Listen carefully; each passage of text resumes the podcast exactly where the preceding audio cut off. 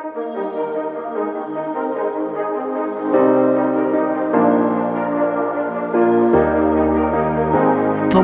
za ljubezen. Podcast inštituta Integrum. Pozdravljeni v drugi epizodi podcasta Pogum za ljubezen inštituta Integrum. Danes z veseljem pozdravljam med nami Alison Kogoj, prijateljico, že kar nekaj časa, kljub njenim rosnim mladim letom. Uh, sicer pa diplomirano medicinsko sestro, pa učiteljico Billingsove metode in sistemsko relacijsko terapeutko.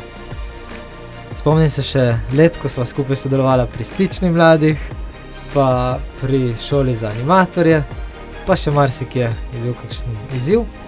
Uh, Danes pa je tukaj predvsem kot članica našega strokovnega sveta inštituta Integrum, pa da podeli z nami kakšno misel tudi iz svojih izkušenj uh, poučevanja spolne vzgoje uh, z mladostniki iz uh, raznih šol pa skupin. Uh, ampak najprej ali sem bi ti želel predati besedo za kratko predstavitev, da dodaš tisto, kar se ti zdi, da je fajn, da poveš tukaj še. Izvoli. Ja, živijo še iz moje strani. Uh, in lepo si povedal, veliko stvari si že ti povedal. No? Tako da mogoče ta del še, da smo oba primorca, da vas primorske prihajava.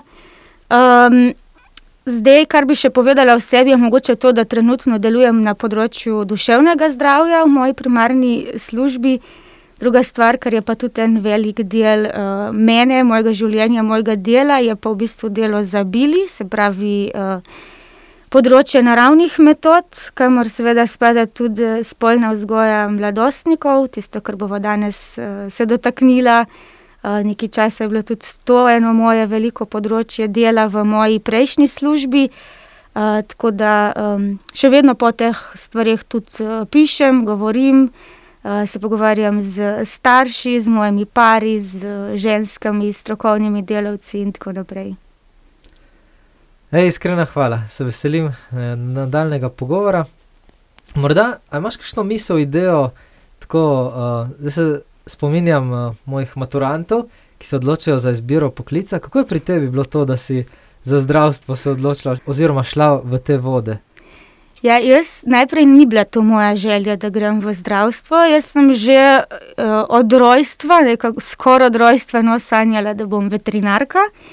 In uh, moja srednja šola je bilo tudi obiskovanje veterinarske srednje šole. Potem pa tam nekje tretji letnik srednje šole sem jaz v bistvu zaznala, da pa mogoče ni to to, kar bi rada v življenju delala, da me je začelo bolj nagovarjati delo z ljudmi. Pa mislim prav iz te izkušnje, ker smo včasih bili dosti v teh animatorskih vodah, sodelovali na, or na oratoriju, uh, biti v vlogi voditelja. In se mi zdi, da prav prek teh aktivnosti, prek ta, takšnega dela, no, sem jaz imela veliko stika z, z ljudmi, predvsem takrat z otroki, z mladostniki, in iz tega ven je pravzaprav bila ena večja želja potem, da bi raje delala z ljudmi kot z živalmi. No, tako da v bistvu zadnji. Letnik potem, uh, ja, je bilo pa to, kar eno veliko tehtanje, kam se pravzaprav usmeriti, ok, delo z ljudmi, ampak zdaj kaj točno. Uh, kater poklic izbrati. Tako da na koncu no, je zadnji čas uh, dozorela ali pa se izkristalizirala na, na ta pot uh, delo medicinske sestre. No, tako da sem se potem tudi upisala na fakulteto za zdravstvo. Um, ja, in tako se je začel študij, in pač se je nadaljevalo tako. Um, Mislim, pač sem pristala potem v, v tem poklicu. Po študiju si takoj začela delati kot medicinska sestra? Ne, po študiju sem, oh, čak, kako je že bilo to. Jaz sem najprej del, moja prva služba je bila v bistvu uh, delo na SKAMU, skupnost katoliške mladine, tako da to je bila moja prva taka resna služba, kar ni bilo študentsko delo. Sej v zdravstvu sem preko študenta že prej delovala na različnih uh, področjih. No. Uh, ampak tista moja prva služba je bila ta, se pravi, tam sem imela veliko stika, ja, tudi z mladimi, predvsem z srednješolci, osnovnošolci, študenti. Uh, pol pa ja, po tem letu sem pa šla potem v zdravstvo. In uh, imaš kakšno prigodo ali pa zanimivost, recimo od teh, ko si začela potem izvajati ta izobraževanja za mlade z področja spolne vzgoje? Tako ali kakšno vprašanje ali kaj takega, kar se nasmejiš ali pa kar ti daje misliti, če danes recimo od tega stika, od kakšnega srečanja z njimi. Mhm. Ja, ena izmed mojih služb v zdravstvu, se pravi, preden sem pristala na tem področju duševnega zdravja, kar delam zdaj, uh, je bila um, ambulanta v, pedi v pediatriji. No, sem delala in tam smo imeli tudi ambulanto za mladostnike, uh, kjer je bilo moje delo tudi uh, spolna vzgoja, se pravi, kot del preventive, uh, spolna, zdravstvena in spolna vzgoja no, otrok in mladostnikov. Um, tako da sem pač to izvajala nekajkrat na teden, uh, so prihajale k nam šole na te preventivne preglede, in potem zraven pač spada tudi en izobraževalni del, kar se pravi, uh, ja, v bistvu delavnice, predavanja na neko izbrano tematiko. Um, tako da zdaj, kakšna prigoda, recimo tiste, kar mi najbolj pade na pamet, je bila, mislim, da je bil to šesti razred. Uh, ko sem jaz zaključila uh, predavanje oziroma delavnico, zdaj šeste razrede smo takrat ob, um, obravnavali na ta način, da smo fante ločili, pač fante pa punce ločili. No? In takrat, ko sem zaključila s fanti, um, mislim, da je bila ta, da je bila ta čist en taka, ena taka pogovorna ura z njimi, ker vedno se potem z njimi malo prilagodiš. Ne? Nekdo, ena skupina je taka, da te želi bolj poslušati, da želijo, da jim bolj prikazuješ stvari, v smislu, da jim rišeš, ko smo sliko pokažeš. Kažna skupina je bila pač čist taka, da, bili, da je bilo toliko vprašanj od njih, da pač sem se temu prilagodila in pač je bila ta ura mal drugačna. Ne? In po tem pogovoru uh, ko smo zaključili, se spomnim, da je en fantek prišel do mene in je rekel: A veste, da, da to je bilo pa zdaj prav zanimivo, jaz sem se pa tako bal, da bomo pri tej uri mogli kondome natikati na banano. Tako ne, se mi je zdelo, kako je on vstopil že v to, nekakšno ja. pričakovanje so imeli, verjetno so to odkje druge slišali, kaj naj bi zdaj tam pri tej uri izvajali. In pol je bilo to čisto neka, neka druga izkušnja za njih, kar so pričakovali. No? In se mi je zdelo tako zanimivo, ne, da verjetno so, so s temi pričakovanji ali pa s predstavami, kaj bomo mi počeli, so vseeno vstopili tja z enim. Z enim nelagodjem ali pa mogoče strahom, ne, kaj zdaj tam bomo mogli neko banano, pa kondom gordajati. Ker, ker glede na njihovo starost, verjetno, mislim, niso še niti na tej točki, da bi sploh uh, te stvari lahko razumeli na en primeren način, ne, kar se tiče te povezave z kondomom, z banano. Tako. Ja, ko si to začela izpostavljati, uh, kaj se ti zdi tako, da je kakšna starostna ločnica, recimo, ko mladostniki se začnejo bolj zanimati, verjetno razlika med fanti in dekleti tudi. Ampak tako kot starši je fajn, verjetno, da smo pozorni na kakšne stvari. Kaj je kakšna stvar, taka, ki ti pade na misel, ali pa ki si tudi eh, pri teh svojih srečanjih, ko si jih imela, opazila, recimo, hm, tudi pri različnih mladostnikih? Se pravi, kdaj se začnejo oni zanimati za neko uh, za spolnost, za spolni razvoj. Ja, zdaj, uh, jaz bi rekla, da je že kar zgodaj, recimo, zdaj, če, že kot otroci, ne, mislim, sej že to lahko, mislim, lahko izhajamo že iz tega, da se oni začnejo že kot otroci, že opažajo ne, te razlike med spoloma. Ne, pač jaz, sem, uh, jaz sem tako sestavljen, punčke so take, jaz imam lulčka, jaz grem tako lulat, uh, punčke nimajo tega. Ne, se pravi, že tam se na nek način začne. Ne, sej, oni nimajo te povezave, da je to že del neke spolnosti ali pa ne poznajo še besede spolnost. Ampak tisto neko eh, zanimanje za to področje, za telesnost, to, da opažajo razlike, se pa začne že takrat. Zdaj, tisto prav zanimanje za, za spolnost kot tako, je pa seveda kasneje, ne? tam v enih osnovnošolskih letih. Uh, zdaj se mogoče to, te informacije tudi pridejo bolj zgodaj na plano, prav zaradi te uh, večje dostopnosti, zaradi uporabe interneta.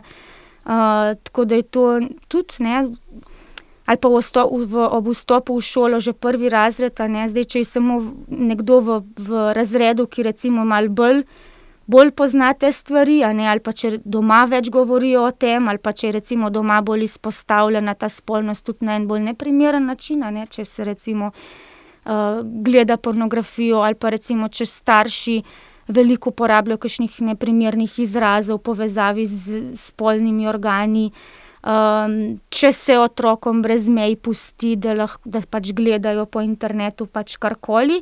Se pravi, imamo tam lahko nekoga, ki je na nek način bolj opremljen s temi informacijami, in potem te stvari začne lahko pač prinese v razred, ne začne te stvari izpostavljati, govoriti o tem, veliko krat pač na neprimeren način, na posmehljiv način. In je seveda to nek um, svet, ki ga odpre lahko tudi drugim, tudi uh, sošolcem. Recimo, ko se izpostavlja te negativne izraze, kako to vpliva na dojemanje spolnosti pri otroku? Recimo, imaš kakšno misel, kako, kako povezuje, če doma posluša?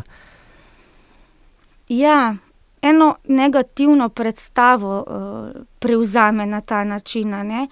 Jaz, recimo, danes delam z, z ženskami oziroma z odraslimi puncami. Uh, sploh, ko pridemo na te teme, recimo boleče menstruacije ali pa recimo uh, se izrazijo kakšne težave v spolnosti. Tudi, Včasih, če so seveda pripravljeni, gremo tukaj nazaj, da gremo poiskati tudi na tej čustveni ravni, kje so se neke te stvari začele. Zakaj boli menstruacija, recimo, kako je tle lahko iz ene uh, ranjenosti te ženske narave. Um, ali pa zakaj to kenih, um, če lahko rečem, vem, težav na področju spolnosti. Ne gremo pri posamezniku iskati v zgodovino, kje se je to začelo, tam neka neprimernost. In pridemo tudi do tega, kako so bile te stvari doma obravnavane v primarni družini. Kako se je govorilo o telesnosti, odnosu do sebe, ne na zadnje tudi, kakšno je bilo tam poimenovanje teh spolnih organov. In tle imamo potem dve skrajnosti, ponavadi. Ali se o tem ni čist nič govorilo, ker je bilo to prepovedano, ker je to greh, ker je to neprimerno ali pa so bile te stvari uh, prevečkrat izpostavljene na en neprimeren način, ne? veliko krat tudi čez, čez ene kletvice, um, pove, v povezavi s tem, da je to nekaj umazanega, neprimernega, z nekim slabim poimenovanjem. Tako da, ja, to, to so potem te neke, neki prvi stiki s, tem, s temi besedami, poimenovanjem, kar ti v bistvu te na nek način zaznamuje, ne lahko, oziroma neseš to potem naprej čez življenje. Če te prav razumem, je v bistvu spolna vzgoja se začne pri staršu pred rojstvom otroka, ko svoj odnos do spolnosti, pa pomenovanje, pa to nekako vrednoti, se uči izražanja, verjetno tudi komunikacije z ženo, oziroma z ženo, s partnerjem. Uh -huh. In potem v bistvu prek tega odnosa otrok močno srka tudi uh mhm. -huh. informacije, pa tudi svoj pogled na spolnost. Uh -huh. je, sem te ja, prav razumel? Ja, ja, tako, točno tako. Spolna vzgoja se začne, jaz recimo, ko imam pare, ko jih učim naravne metode. Pa tam pridemo tudi do tega dela, da je prav, da se začneta dva od teh stvari med sabo tudi pogovarjati, se naučite ne stvari v besedi, ne se biti tudi s temi tematikami en pred drugim ranljiv. Ali pa jaz rečem, slečta se tudi z besedami, ne, ne samo pač fizično, ne pa slačenje kot telesa. In to, kako se ona dva naučita te stvari uh, pogovarjati, si tudi v teh stvarih uh, biti izrazna, uh, to je v bistvu že začetek spolne vzgoje za njune bodoče otroke. Ker če se ona dva znata med sabo o teh stvarih iskreno pogovarjati in spet biti že ona dva drug drug, pred drugim ranljiva, se na ta način pripravljata na to, da boste mogli enkrat o teh stvarih spregovoriti s svojimi otroki. Ne boste tam v teh tematikah zadržana, boste bila pripravljena um, slišati stvari, razno razna njihova vprašanja, ali pa boste nezavedno postala bolj. Um, odprta za njihova vprašanja, da, bo, da bodo ti otroci imeli občutek, da kar se teh tematik tiče, ali pa ko bodo enkrat imeli kakšno stisko na področju teh tem, da ste lahko starša prva, uh, katerima bodo lahko naslovili te uh, njihove vprašanja, dileme, strahove, stiske in tako naprej. Tako da, ja, to se začne. že v odnosu med dvema, med dvema kot partnerjema in potem naprej med uh, dvema kot starša, se pravi, ko sta že v vlogi starša. Torej, ni najbolj priporočljivo čakati, da otrok dopolni vem, 16 let ali pa recimo 8 let, pa imeti v mislih, no, se takrat mu bom pa razložil vse skupaj, kar mora vedeti. Ne, ne to, je, to je že prej. Že, že, to vzdušje ne, doma, se pravi, prav to, kar sem mogoče že prej govorila. Kako se tam čuti, že v ozadju, da so te teme lahko prisotne, da se lahko odprejo, da niso tabuizirane. Uh, da, da ni tam že ta zga razmišljanja, oziroma ta zga pristopa, opustite stvari, to pa um, um, ne tega izpostavljati, o tem pa ne bomo zdaj, uh, ali pa ne vem. Uh, ko recimo se malo fantki poigrajo ali pa ko pač raziskujejo svoje telo že kot mali, ne pa pač pride do tega dotikanja, lulčka in tako in zdaj.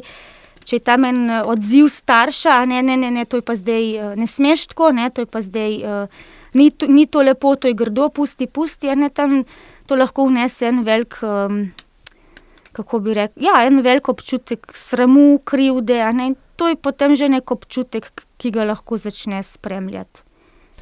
A imaš morda na tem področju kakšen nasvet za starše? Ker vem, da otroci začnejo raziskovati svoje telo, sploh uh, pač eh, penis, spolni organ, že zelo zgodaj. Ampak verjetno ni masturbacija ali pa nevarno samo zadovoljevanje, že tisto prvo raziskovanje pri treh, štirih letih. Ne? Kasneje, vsaj kar je moja izkušnja, ko pa pride do neke prepletenosti s pornografijo, pa dejansko pol možnostjo tudi nekaj kompulzivnih. Uh, vedenj, spolnosti, pa se mi zdi dosti, dosti problematično. Mhm. Kje je kakšna tako nasvet ali pa ločnica za starše, uh, ki nam lahko pomaga, to, da smo pozorni bolj, oziroma da nekaj sprememo kot del razvoja otroka? Mhm. Zdaj, mogoče pri otrocih, ko se to začne. Ne, to je, um, uh, ko se začnejo otroci dotikati te spolne organe, to je res nek njihov del raziskovanja telesa. Ne. Je to nekaj, kar kar jih zanima, kar jim postane zanimivo. Lahko ob tem, seveda, začnejo oni tudi doživljati neko ugodje, že, in lahko postane to tudi nek način za umirjanje samega sebe. Uh, veliko krat te stvari s časom same od sebe izvenijo.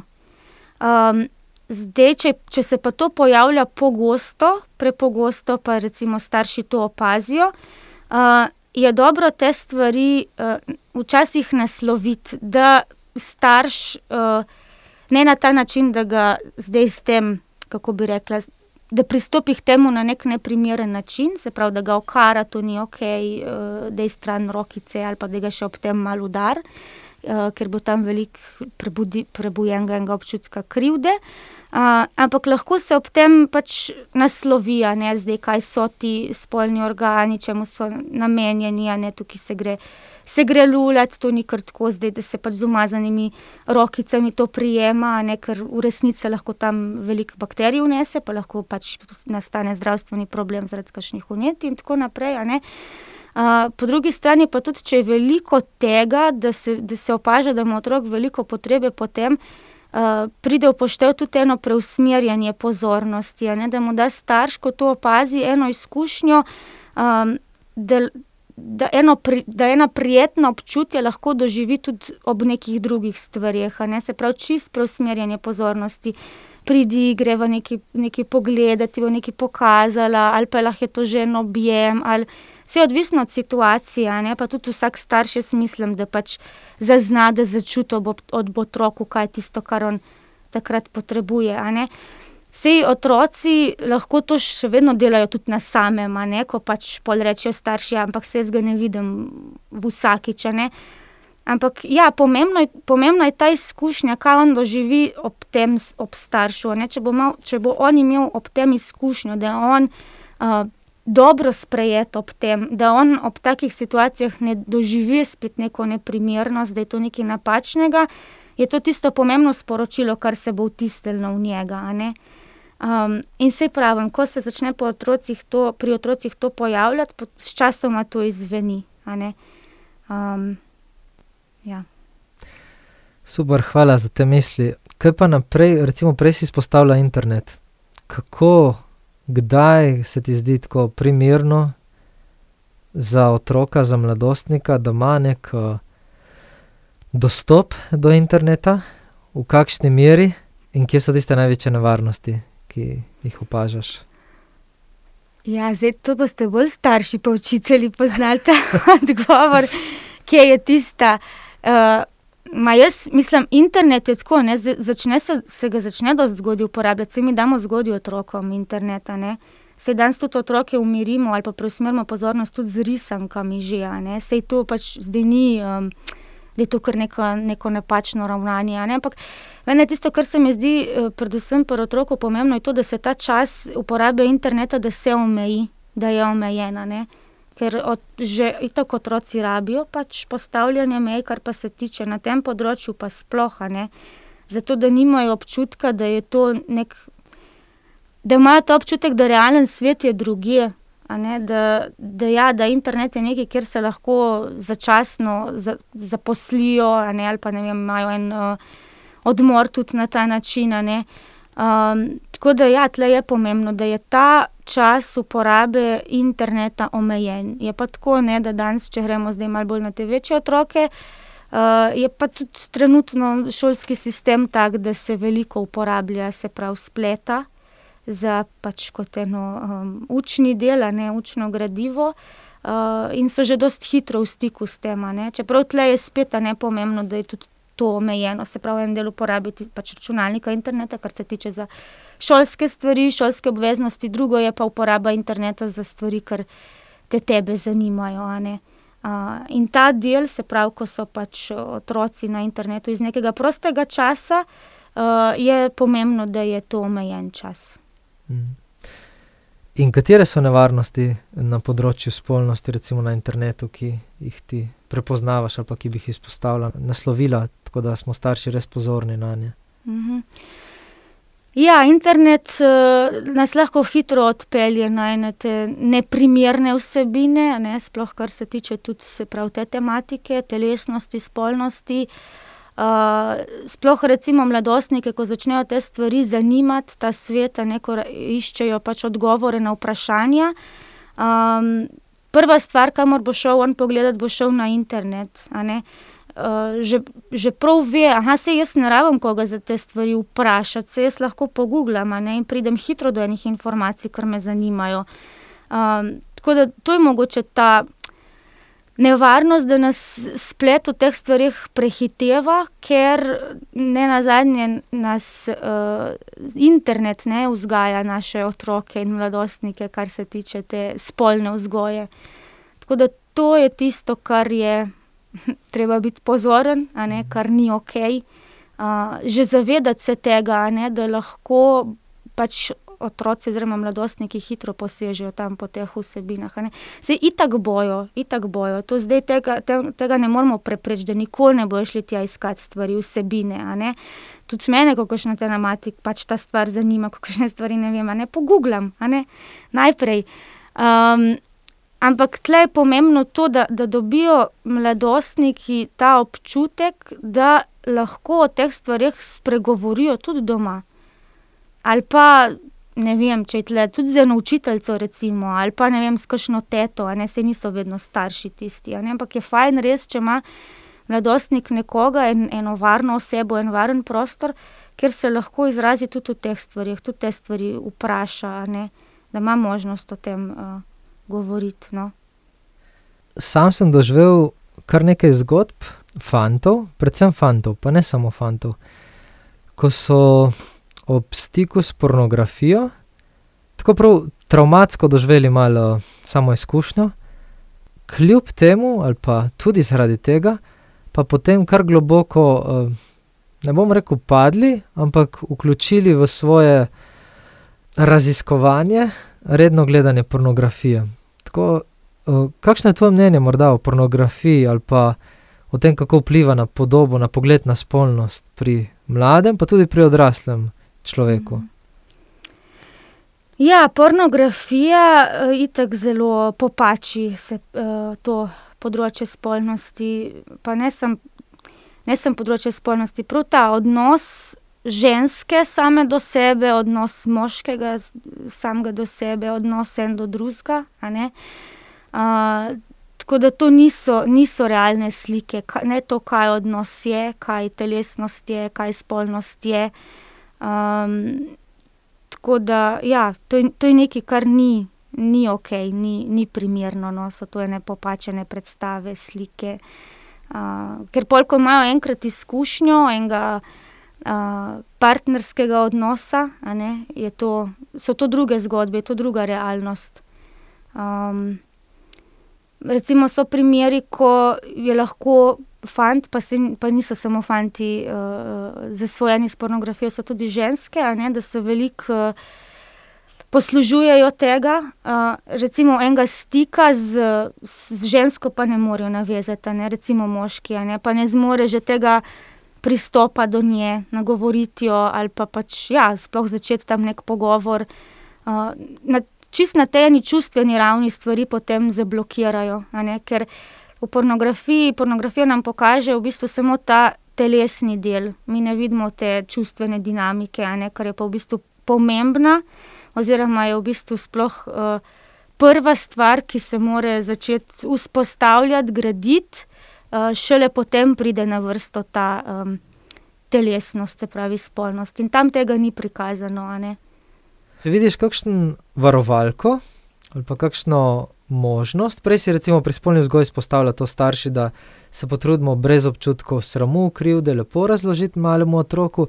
Kaj pa potem, ko pridejo recimo v to puberteto, ko jih uh, same te spolne podobe, pornografija močno privlači, pa kaj je tisto, kar lahko spodbudimo vzgojitelji, starši, mladostnike, pa tudi mladostniki v bistvu, kako lahko sami sebe reflektirajo, pa uh, ali preusmerijo pozornost, ali pa se s tem soočajo na čim bolj zdrav način. Mhm. Moja izkušnja tega je, da uh, recimo pri teh stvarih je zelo pomembno, kar se tiče zdaj, ki si učitelj izpostavil. Mislim, da mladostnik mora najprej slišati, to, da je to nekaj, kar ni ok, čist jasne meje postaviti. Ne gremo tle vedno v neko ozadje, razlagati. Naslavljati njiho, njihove čustvene potrebe ob tem, ampak recimo, doskrat je pomembno to, da rečemo, pornografija je nekaj, kar ni ok, to ni zdravo. In veliko krat, ko slišijo to, jim odleže ta čist ena jasnost.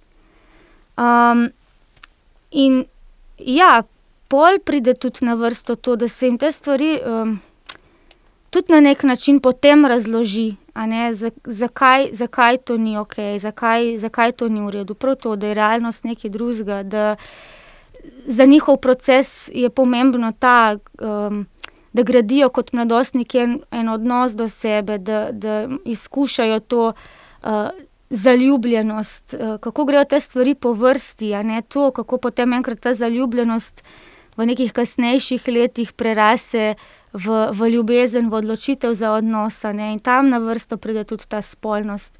Mogoče čisto konkretno, ne, da. da um, ja, konkretno, kakšna pasti uh, prinese pornografija. To sem jim včasih jaz tudi pač konkretno povedala, recimo pri teh mojih urah, ko so bila konkretno taka vprašanja.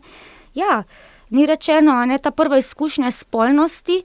Um, je v bistvu lahko, kako naj rečem, je pomembna, ker je lahko od tega odvisno, kako bo vnaprej naše doživljanje spolnosti. Ne? In tam, ko so te prve neprimerne izkušnje, tudi skozi eno pornografijo, ja, ni rečeno, da bo on kot en odrasel moški, ko bo imel eno žensko ob sebi, lahko doživel spolnost kot, kot nekaj lepega. Recimo, ne? Lahko so te prve izkušnje čistko popačene, da, eh, da se to potem pokaže naprej. Bi se ti zdelo morda smiselno potem, da bi se na ravni odločevalcev države ali pa celo globalno postavilo določene omejitve, da bi dejansko pornografija bila teže dostopna? Ne vem, poznamo recimo kakšne igre na srečo prek spleta, ki zahtevajo polnoletno bančno kartico ali kaj takega in je vseeno teže priti kot do pornografije, ki lahko pregugla s par kliki dostopaš do trdih pornografskih vsebin. Ja, da se to omeji, ne? Ja, sigurno, sigurno. Če bi se to dalo, bi bilo, bi bilo to super. Ja. Uh, sem po drugi strani pa res tudi to. Uh, je pravno, da se jim da tudi uh, mladostnikom, njim te ene informacije, da imajo samo zavedanje, tudi da že oni vejo, da je to nekaj, kar ne na zadnje, ne samo da ni ok, ampak da v bistvu tega ne rabijo, da to ni nekaj, kar bo uh, pri njih v življenju prineslo jim neko zadovoljstvo, neko srečo, ne? da je to neka stvar, kar njih lahko, sicer jim lahko neki da, ne? ta nek občutek ugodja, ampak ne, to ni nekaj, kar jih bo njih nahranilo, ne? notranje izpolnjeno. Tako da to zavedanje, poleg tega, da, ja, da so stvari težko, težje dostopne, omejene, zaklenjene, kako koli, seveda, to je en, en pomemben dejavnik, ampak še vedno, ne, da, da imajo oni to neko zavedanje, te informacije. Torej, v vsakem primeru gradnja tega odnosa, pa odprtosti tukaj je ključna za spolno vzgojo na vseh področjih, ja, tudi pri ja. pornografiji. Ja. Prihaja mi na misel, to, kako se dekleta primerjajo prek kakšnih socialnih omrežij, TikTok, Snapchat, uh, Instagram. A opažaš ali pa imaš kakšno mnenje glede tega, da bi tudi tukaj znali biti uh, problemi oziroma nevarnosti za dojemanje lastne telesnosti, pa tudi pol nekako za to pogled področje na spolnost. Kakšno mnenje imaš na tem področju? Ja, jaz sem enkrat še uh, raziskovala, pa še en članek napisala o tem, kako uh, fante zaslužni ta pornografska industrija, deklice pa uh, lepotna industrija. Ne?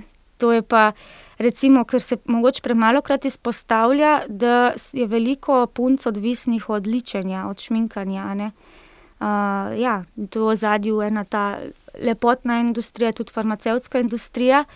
Uh, to je pa druga stran, ker deklice pa bolj na, na tem področju uh, so tle bolj dovzetne, ker one želijo biti, uh, želijo biti vidne, želijo biti uh, opažene. In je veliko krat v ozadju ta, ne? če nisem zdaj dost dobra, če nisem zdaj dost lepa, če ne zgledam po teh kriterijih, potem ne bom ok, potem me noben ne bo opazil, potem ne bom pomembna, potem uh, ja, bom ostala sama, zapuščena. Uh, ja, in pride ta občutek, ne, da morajo potem dosegati neke lepotne ideale, biti uh, urejene. Um, mislim, da urejenost ni nekaj slabega, ne, ampak pač gremo lahko hitro potem v neke skrajnosti. Ne, tudi to do tudi v to smer, ne, do spremembe nekega uh, izgleda, kar se tiče pač telesa, ne, in potem pride do, do hujšanja že v teh nekih zgodnjih letih, ne, ker želijo izgledati tako in tako. Ne. A tukaj lahko starši kaj naredimo na tem področju? Ma jaz bi rekla spet to, ne, ta nek, eh, ne sem pogovor, ampak to je, ja, da sprejmeš otroka, pač ta zga, kar je. Ampak ne samo da rečeš, ne, ampak res ta občutek, da mu daš, ne, te, ta občutek ljubljenosti, pomembnosti. Uh, to mislim, da je zelo pomembno. No? Uh, sploh, recimo, kar se za deklice tiče, uh, kako je pomembna ta vloga očeta. Ne, da, je, da, jo, um, da je očetu lepa, da je dragocena, da mu je pomembna, da je to tudi pokaže, da je to tudi izpostavi, ker deklice prav ob tej moški vlogi gradijo neko svojo samozavest. Ne. Nas vidimo, da je pa tako en problem prav v tem, ne, ker prihaja do, veliko krat do neke uh, fizične, pa tudi čustvene odsotnosti te očeta, ne, te moške vloge v družini. Recimo, to, to se še kar dosti krat opazi. In to je nekaj, kar bo ena, ena mladostnica pogrešala. Ne. Um, in če ne dobi ona od očeta tega, tega občutka, te neke potrditve, bo ona to iskala drugje. Ne? Bo zelo hitro začela to iskati, seveda, pri drugih fantih, pri sošolcih. In zdaj, da je ona tam in ima ta občutek, ok, se pravi, jaz, da sem opažena, da, da me nekdo vidi. Uh, moram za to nekaj narediti. Ne? Ni zdaj to samo po sebi, že, da je ona pač pomembna in dragocena, že tako, kot je, že zato, ker je moram za to nekaj narediti, moram se urediti, moram uh, biti podobna tej pa tej Instagramerki, tej pa tej naslovnici. To, no, to, to bi rekla, da, da je pač ta, mislim, da je pomembno, da je prisotno v družini, kar se tiče strani staršev. A je tukaj včasih, se mi zdi, uh, mal izgovor nas staršev, da je tako hitro se to spremenja, da ne moramo vsemu slediti, ali dejansko je naša odgovornost, dožnost, da vsaj približno poznamo stvari, oziroma da smo pozorni na obnašanje, na spremembe v našem mladostniku, pri našem otroku, in da nimamo v bistvu tega luksusa, da bi, bi pustili, da se bo že uh, prišlo čez to. Ja, jaz mislim, da kot en starš moraš biti stalno čuječ, ja, kaj se zdaj dogaja z otrokom, uh, v kateri fazi je. Pa normalno, da se te stvari tudi zgrešijo, ne? da, da, da, ne, da ne ujameš jih vsega normalno. Jaz mislim, da tudi starš ne moreš biti po, nekih, po, nekih, po nekem receptu ali pa to, kar piše v nekih knjigah, ampak dejansko, da te vsak otrok posebej. Uh, naredi starša. Ali kako ne rečem, jaz se spomnim enih dobrih besed, ne terapevtske, ko je rekla uh, svojih črk, ki se ji ne njej do besed, ampak tako v mislih. Ej, ti me nauči, ti me pokaži, kakšna mama želiš naj ti bom. Um, glede glede na, na njene lastnosti, na njen temperament, na to, kar ona je, kakšna mama želiš naj ti jaz bom. Se pravi, to je nekaj, kar potem mi ne najdemo v nobeni knjigi, ker jo bosta one dve v tem odnosu, v teh vlogah napisali neko svojo knjigo, nek njun recept, ker bo sem za njih uveljavljen. Tako da tle je mogoče ta del, ja, biti pozoren, čuječ, prisoten, biti opazovalec, raziskovalec. Uh, jaz vidim, da se starši sproti učijo stvari, veliko stvari se učijo, sploh ker veliko krat rečejo tudi. Uh, starši, jaz, jaz nisem teh stvari dobil, jaz ne vem, ne znam, meni tega mama ni dala, meni tega oče ni dala. Uh, ja, marsikomu ni, bilo dano, ne? ni nam bilo dano. Tudi če pač pogledamo neke stvari, še nekaj let nazaj, se ni bilo toliko informacij, sploh um, na razpolago, ali pa je bilo težje dostopati. Um, in uh, Ampak to ne pomeni, da potem pač ostaneš v tem, ne pač kot žrtev tega. Ja, se jaz pač nisem bil primerno opremljen, danes pa smo lahko opremljeni, danes pa lahko spremenjamo vzorce, danes pa lahko damo tist, tisto, kar včasih nismo mogli dobiti. Recimo, torej, če povzamem neko mirnost ob tem zavedanju, da je tako popolni ne bomo in da bomo delili napake, po drugi strani pa vseeno eno to čuječnost. Pa spodbudo, da lahko spremenjamo vzorce in uh, način reagiranja, kljub temu, da smo sami doživeli tudi kakšen uh, uh -huh. padec ali pa neprimeren odziv ali uh, uh -huh. kaj takega. Ne? Ja, ja. ja. Um, jaz vidim, da se doskrat. Ljudje, no, se na splošno se malo izgovorijo na te neke vzorce. Ne? Ja, to je bilo v naši družini, ja, jaz drugače znam, jaz nisem dobil drugega.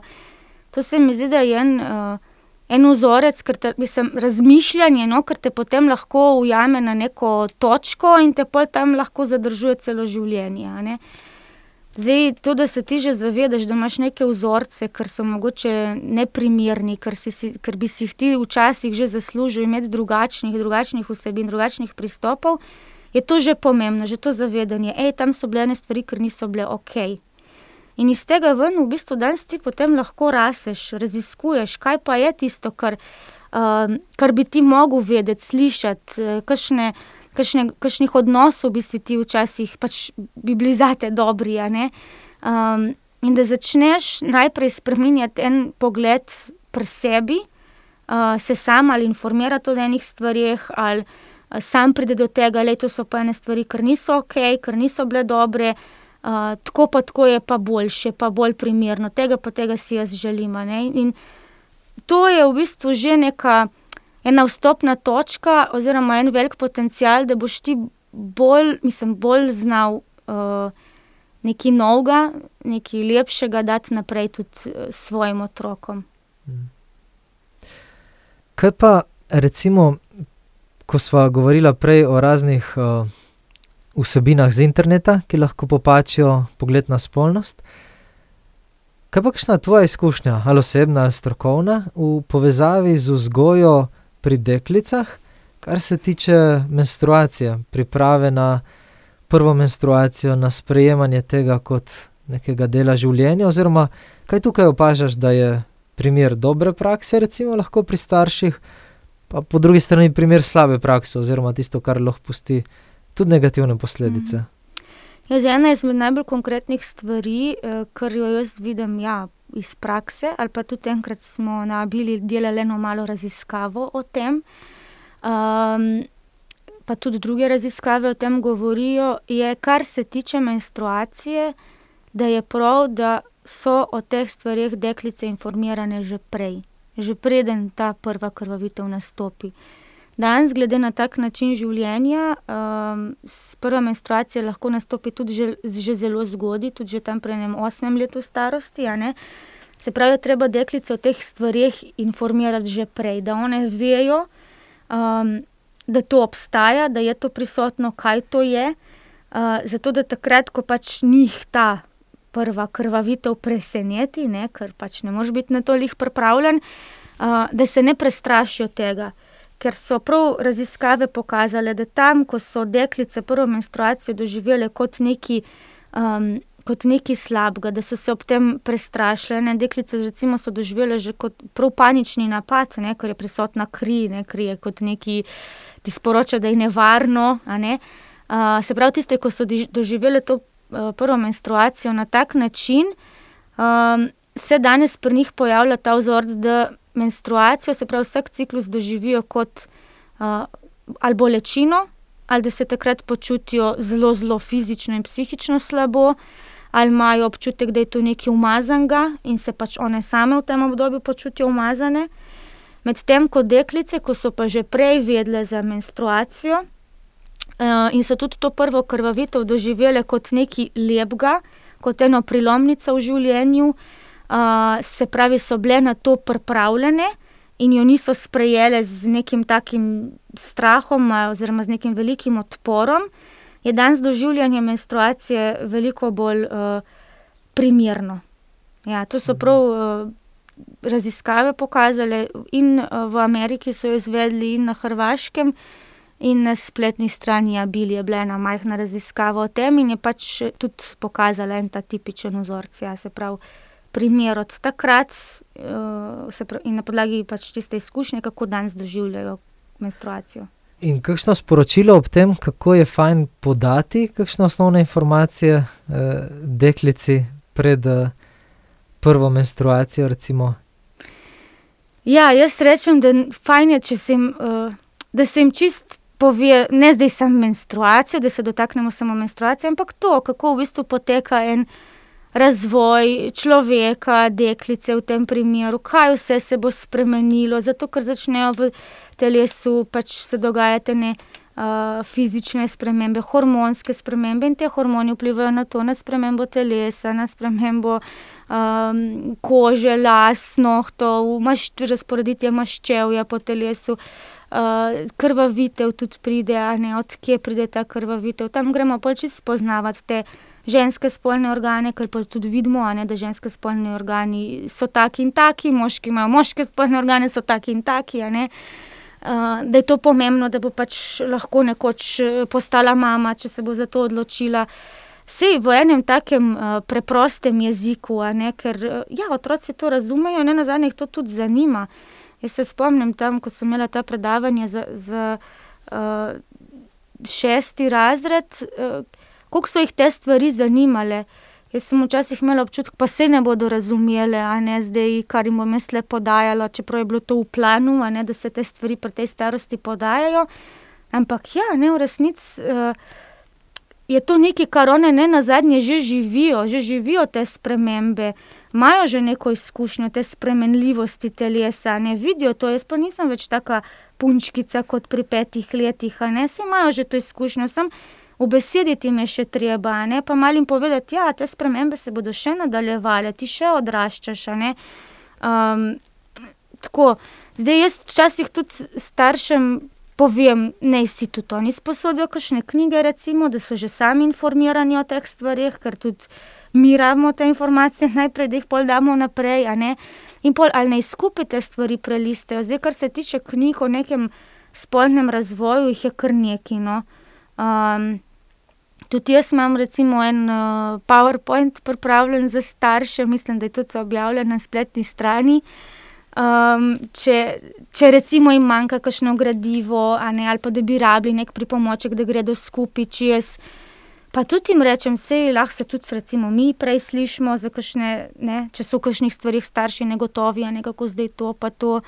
Uh, tudi lahko recimo, se, se jim daje smernice. Ne, ampak tako se mi zdi pa fajno, da vedno starš po otroku izhaja iz tega, ki otrok je. Sej starš vsak najbolj pozna svojega otroka in pač začuti, do kje je otrok pripravljen, ni ta ne. Pač jaz tudi rečem, sej, če niso pripravljeni, pač, če vaš otrok ni pripravljen se dolgo časa o tem po, po, pogovarjati, naredite to po delčkih. Ali pa dajte mu samo dovoljenje, da naslednjič, ko ga, ko ga bo spet kakšna taka stvar zanimala, naj pač pride, pa naj vpraša. So, to so različne poti, različne so možnosti. Ne? Uh, ne pravim zdaj, da je tle samo en način in da to velja za vse. Uh, tako no, ker so na tem področju tudi starši in raziskovalci. Ne? In ja, že to, da daš možnost, da si v tem prisoten, da pokažeš, da si se pripravljen o teh stvarih pogovarjati, je to že veliko. Tudi če kakšno mm -hmm. stvar kiksneš, pa ne poveš jih tako, ker se ti pol za nazaj zdi, oj, tam bi pa lahko drugače povedal. Ja, kar pogumno, ne? Starši. Ja, ja, ja. ja. ja se to zahteva en pogum. Ja, ja. Ja. Ni, ni to enostavno. Tudi uh, z njihove strani ne, je mm -hmm. to, tudi tam je neka občutek ene, ene zadrege, sram se prebudi. To je vse normalno. Mm. To je vse normalno. Področje spolnosti ni enako, kot če se mi pogovarjamo o, saj, o sajenju rožici in o vremenu. Mm. Ne prebudi en, en občutek sramu. To je ok, to, to ni nič narobe. Iz teh besed, mes, če sem v redu razumel, tudi spodbujaš to celostnost, da, da se ne usmerjamo fokusirano na en mali delček, ampak da poskušamo otroku pač na primeren način, ampak tako umestiti znotraj življenja tudi te delčke spolne vzgoje, ne? počasi te procese. Mm -hmm. Integrum, integri, mm -hmm. integralno, ja. integritetno. Ja, ja. Vse spolna vzgoja je. Veš, že odnos eh, med staršema, ne, že to vzdušje, kakšen odnos ima ta ona dva med sabo, uh, prav ta uh, kakšna je ta družinska dinamika, partnerska, partnerska dinamika, ki jo lahko prikažete pred otroci. To je v bistvu že to, to se že začne spolno vzgoja. A bi te lahko prosil, oziroma bi lahko dal zraven tega pogovora tudi uh, povezavo do tega spletnega gradiva, oziroma do tvoje strani, mm -hmm. če mhm. te želijo, da te lahko kontaktirajo in mm -hmm. uh, pridobijo te informacije. Se mi zdi, da marsikdo uh, bo zainteresiran za to, da se bolj izobrazi na tem področju. Vse v meni si tudi zbudila dodatno željo, to je zagotovo. ja, lahko, ja, ja, seveda. Pa verjetno zdaj, ko razmišljam, pri deklicah je menstruacija tako pomemben mejnik ali pa dosta močna stvar. Pri dečkih je ena podobna, čeprav na drugačen način, pa ne verjetno tako izrazita sprememba, to, ko doživi prvi nočni izliv. Uh -huh. uh, uh -huh. A se tudi na podoben način na to ja, pripravljamo? Ja tudi, ja. tudi, da, sem, mm. tudi da, da se jim te stvari, ja, da se jim pove, da se jim naslovi, tudi enako prniha, ne, kako bo šel ta, ta razvoj, uh, spremembe telesa, čista fizični izgled, ne, tudi to je pomembno. Za fantke mogoče tudi to pomembno, ne, ker. Uh, um, Ja, oni začnejo te neke spremembe malo kasneje doživljati, sploh kar se tiče te zunanjosti. In recimo imamo v enem razredu en, fante, ko so isto stari, ko so recimo eni že bolj. Že, že pridobijo na tej mišični masi, prsni koš, recimo se jim poveča, spremeni se glas, uh, dobijo tudi več mozoljev po koži. Se pravi, tam že na pogled ti lahko vidiš, da je pa zdaj že mal bolj razvit, ne? so hormoni že tam začeli bolj napolno delovati. Imamo isto starega fanta, kako pa recimo še ni, ne ima pa čist taken deški še izgleda. Um, in da se je mogoče tudi to, ne? jaz sem jim tudi te stvari izpostavljala, da je to normalno, da vse čaka ta proces, prav ta sprememba konstitucije telesa, spremembe glasu in da tle nimamo nobenega.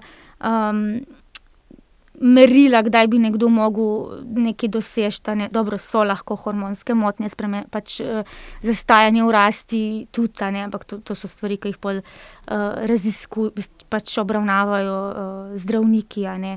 Ampak tega je v povprečju manj. No. Um. Kaj pa si se srečala kdaj s kakšno um, dejansko to zelo uh, težko izkušnjo spolne zlorabe, oziroma kako je tukaj fajn, da smo pozorni ali pa da ukrepamo, če posumimo na kaj takega. Recimo, kaj bi tukaj svetovala, ali pa kakšna tvoja izkušnja iz uh, teh Mhm. srečevanj z mladimi, z mladostniki. Pri otrocih, pri mladostnikih, ja, zdaj nekih teh znakov, da je prišlo do tega, ali pa da prihaja do tega, uh, so različni. se pravi, da, da, so, da se tam začnejo pojavljati neke spremembe, kar lahko pač govorijo o tem. Da, um, ja, recimo, mislim, kakršna koli nenavadna sprememba pri otroku. Veliko krat je to neka regresija, se pravi, da začne, ne vem. Deklica ne vem, je stara ne vem, sedem let, recimo, pa začne sesati prst ali pa recimo to um, močenje postelje. Uh, tudi neka ta otožnost, zaprtost, um, kakršne koli spremembe. No? In uh, ja, zdaj jaz recimo se spomnim ene, ene, uh, ene tehnike, no, ampak to je bilo že bolj pri pr malih otrocih. Um, ker veliko krat, če, če jih bomo njih naravnost vprašali, ne bodo povedali, ali pa tudi, ali pa tudi no, različno, a ne, da se tam dogajajo ene neprimerne stvari, nekaj, kar jim pa njim ni všeč. a ne. Um, en način je, recimo, da o teh stvarih uh, spregovorijo o medvedku. Ne, to, je, to je en čist tak terapevtski pristop, a ne, da, um, da je ta medvedek bil tudi uh, v življenju že uh, ranjen, da so se mu zgodile ene stvari, ker so težke, ker ga je pol srček bolel. a Ne, tako. to je pol prek neke take igre, taka dinamika, a ne, ker, se ker lahko potem začnejo otroci ob tem odpirati neko travmo. No. Ampak To je mogoče bolj tehnike, ko se jo grejo bolj terapeuti, recimo, no, ampak ja, da bi kot starš opazil, ja, kakršna koli taka um, nenavadno obnašanje. Ni pa zdaj vsako nenavadno obnašanje, ne kaže kar na neko spolno zlorabo. a Ne. Ja, ja. Um, Sprememb je veliko. ne. Ja, sprememb je veliko. No, tako, uh, doskrat no, en vzorec je tudi tak, ne, da veliko krat je, mm, če je sam starš doživel neko spolno zlorabo, ne, uh, je ta neka dovzetnost za to pač prisotna v tej družini. se pravi, to je nek, ta, neka ta izkušnja, nekaj, kar se lahko prenese na, ne, na otroka, ne, da bo pač on deležen neke podobne stvari. Ne, to tudi vidimo. Recimo, ko se jih izpostavlja, če starš nosi v sebi kakšne take uh, težje stvari, Mhm. uh, pa je minilo že veliko časa od takrat. Uh, a se ti zdi fajn, da vseeno začne uh, brskati, kopati, bom zdaj najprej negativno Mhm. povedal, potem, Mhm. oziroma pozitivno, da se začne s tem soočati oziroma Mhm. razčiščevati. Mhm. Ja. Ko je na to pripravljen, ja, je prav. Uh, zato, da se ne na zadnje si tudi zaslužen tak proces, da se lahko te stvari ubesedijo, da se sprostijo, uh, da dobijo en drugačen pogled na, na neko tako situacijo, travmo, da, da se odprejo nekim novim izkušnjam, uh, da ne živijo s tem, da, da so oni sami ta neka travma, neka zloraba da zmorejo iti naprej pol z nekim občutkom krivde. a Ne, ker uh, vsaka travma nekje, v- nekje v življenju bo, bo se želela razreševati. a Ne, in če ji mi sami ne damo ta, ta možnost, te mislim, to možnost, ta prostor za to. S- bo to začelo se izražati v neki partnerski dinamiki, ali pa v vlogi, eh, ali pa v tej starševski vlogi, tudi mislim, prek, prek tega odnosa, tudi. a ne. Zato je pol vsak sam odgovoren. Ne? In ja, tle, tle so povabljeni, da vstopijo nek, v nek tak proces. Ne? Uh, sigurno je pa pač. Moraš biti na, na to pripravljen, verjetno mislim, nisi kadarkoli v življenju uh, pripravljen na neke take procese, ne? ampak že to, da razmišljaš o tem, da si pa to zaslužiš, poiskati neko tako uh, možnost, obliko pomoči, uh, to je prav. To je prav, ja. Spravi, pogumno tudi na tem področju, ne? kljub temu, da gre za boleče izkušnje. Ampak se splača, Mhm. verjetno tudi lahko spodbudiva k temu, da je možna sprememba in potem tudi mir v, v Mhm. srcu, pa v tem življenju naprej. Ja, ja. Hvala tudi za to, da smo se dotaknili tega področja. Uh, pa morda za konec, ko gledam na uro, ka, kakšno sporočilo, tako, kar bi želela podati ali mladostnikom ali staršem. Tako, tisto, kar bi se sva že ogromno tekom oddaje povedala, izpostavila, tako, s čim bi želela, da nekdo, ki prisluhne temu, odide od tega poslušanja. Jaz zadnje čase rečem, recimo, ko pridejo uh, se učiti naravne metode ali pa ko jih te stvari zanimajo, uh, pa želijo imeti konkretne odgovore, konkreten recept, kako to, kako to, kako to. Ja, vse neki okviri so za vse, neki okviri so tudi za spolno vzgojo, neki okviri so tudi za to, kako graditi lep in ljubeč partnerski odnos, okviri so tudi za to, kako uporabljati naravne metode. Ampak jaz na koncu rečem, bodite vi tudi sami raziskovalci tega ker eh, vi sami pol pišete vaš primer, pišete vašo zgodbo znotraj teh okvirjev, ker grejo lahko tudi mal izven okvirjev. In jaz jih vedno spodbudim k temu, bodite še vedno vi sami svoji raziskovalci, ker bo, boste prišli do veliko enih pomembnih vsebin, ker so za vas uh, pomembne. Super, hvala. In s tem uh, pogumnim, spodbudnim sporočilom o raziskovanju bi tudi zaključil današnjo oddajo, današnji pogovor. Ali so iskrena hvala, da si se odzvala v vabilu. Hvala tebi. Upam, da ste uživali v tej epizodi in da vas je spodbudila za pogumno, aktivno delovanje na področju spolne vzgoje. Povabljeni tudi, da si ogledate spletno stran, ki jo ima Alison, abili.si, pa seveda, da nas spremljate na Facebooku, na Instagramu in na naši spletni strani. Ob tem morda še informacija, da so trenutno pripravljeni vsi programi izobraževanj, tudi za mladostnike in otroke, za izvajanje nadaljavo oziroma prek spleta.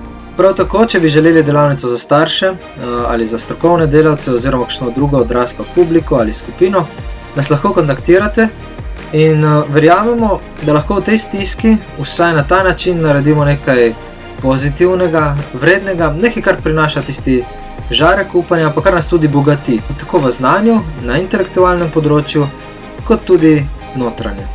Vse dobro in se slišimo v prihodnji epizodi.